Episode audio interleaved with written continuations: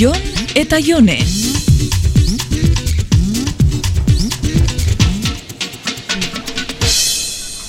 Bakizu, uste eta azkenean kasu egingo dizudala eta autonomo egingo naiz. Bueno, basan ordua. Ja, eske lanean kriston bronka izan dute. Ah, eta ze pasau da ba? Bat duela hilabete batzuk egin genuen lan bat Espainiako publizitate saritara aurkeztea erabaki dutela.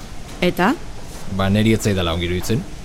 Independentziarena ez badu egunerokoan ere aplikatzen, ze demoniotarako hainbeste pankarta eta hainbeste kontu. Ba, niretako, sinceramente, independentziana ez da lehentasun bat. Ez da egunerokoa lehentasuna, baina helburu bat bai ez da. Ba, niretako intxe bertan ez. Nire bizitzako helburuen artean ez independentzia kontuak, ez politikak, ez dakelekurik. Ja, hori ere jarrera politikoa da. Nahi dozuna, Jon. Eta esan nahi dozuna. Nik dakitzena da honezkero hemen kolore guztietakoak eukidabela aginte makilea eta danak bardin jokatzen dabela.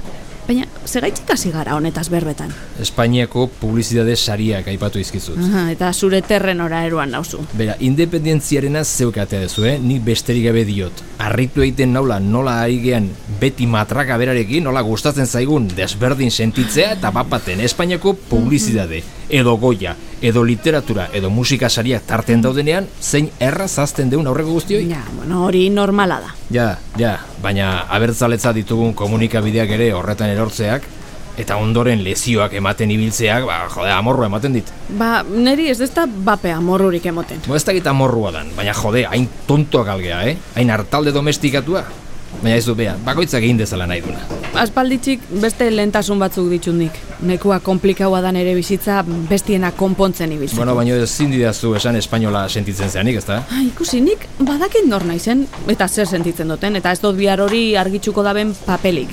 Eta gainera gaur egun ja, Jode, baina ez aldizu amorrik ematen beti espainola edo frantsesa etzeala esaten ibili behar horrek. ba, egisa esan, ez, paso ditzen dut. Ja, eta atzerrin zabiltzanen? Ba, pasaportien zei pintzen dau. Espain? Ba, Espain. Republik Frances? Ba, Franz. Ta akabo esplikazinuak. Igual Bueno, jata. Kanpoan bizi zeanen ordea, nortasun horrek asko importatu. Ja, seguro, oso exotikoa da Euskalduna izatea. Azalpen guzti horrek, eh, herri borrokalarixa, Europako txege barak, Jode. ziur ligatzeko oso ondo etorri izan jatzula.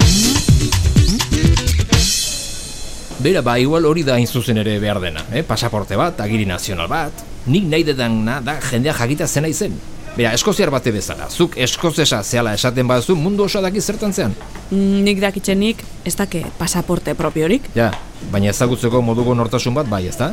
Ta kirol selekzioa? Ah, Ba, akaso hortxe dago gakua, Euskal selezio bat eta pasaporte bat, eta nahikoa litzake. Ba, igual bai. Ah, Hortxe da kasu ba, patetiko samarra dana, ez da? Futbol selezio bat eta papel zati bat. Bueno, a ber, ez da hori ere.